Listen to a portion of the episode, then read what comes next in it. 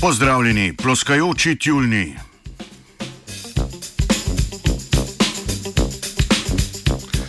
Morski sesalci, kot so kiti in tjulni, običajno med seboj zvočno komunicirajo. Znanstveniki in znanstvenice z Univerze Monash v Avstraliji so preučevali oglašanje sivih tjulnjev. Svoje opažanja in ugotovitve so strnili v raziskavi, objavljeni v reviji Marine Mammal Science. Njihova opazovanja kažejo na to, da lahko tjulni komunicirajo tako z glasom, kot tudi s ploskanjem.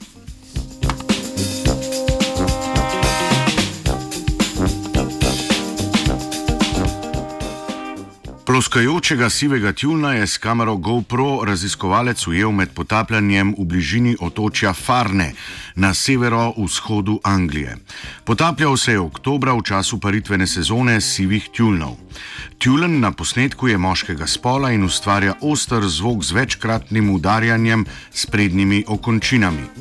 Posnetek ploskajočega tjulna, na podlagi katerega je nastala raziskava, si lahko ogledate na spletni strani Radia Student.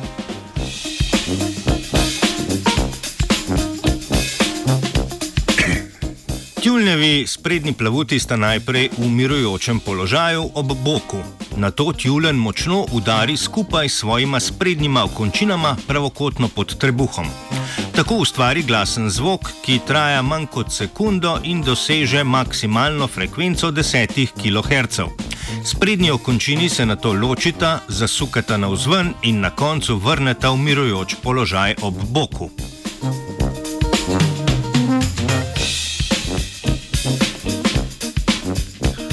Glasni visokofrekvenčni zvok, ki nastane s ploskanjem, preseka hrup iz okolice in pošlje jasen signal vsem ostalim tjulnem na tem območju. Znanstveniki in znanstvenice so do sedaj opazili, da ploskajo izključno samci, ploskajo pa predvsem med paritveno sezono. Zato je raziskovalna skupina predvidevala, da samci s ploskanjem odganjajo potencijalne tekmece in privabljajo samice. To ploskanje lahko slišimo tako pod vodno gladino, kot tudi nad njo.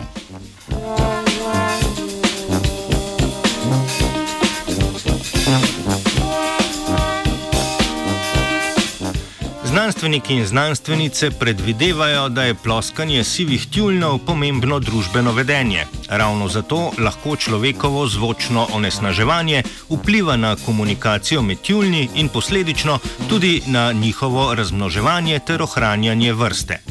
Prav zato nam lahko opazovanje in raziskovanje živalskih vrst pomaga pri njihovi zaščiti in ohranjanju, seveda njihovega načina življenja.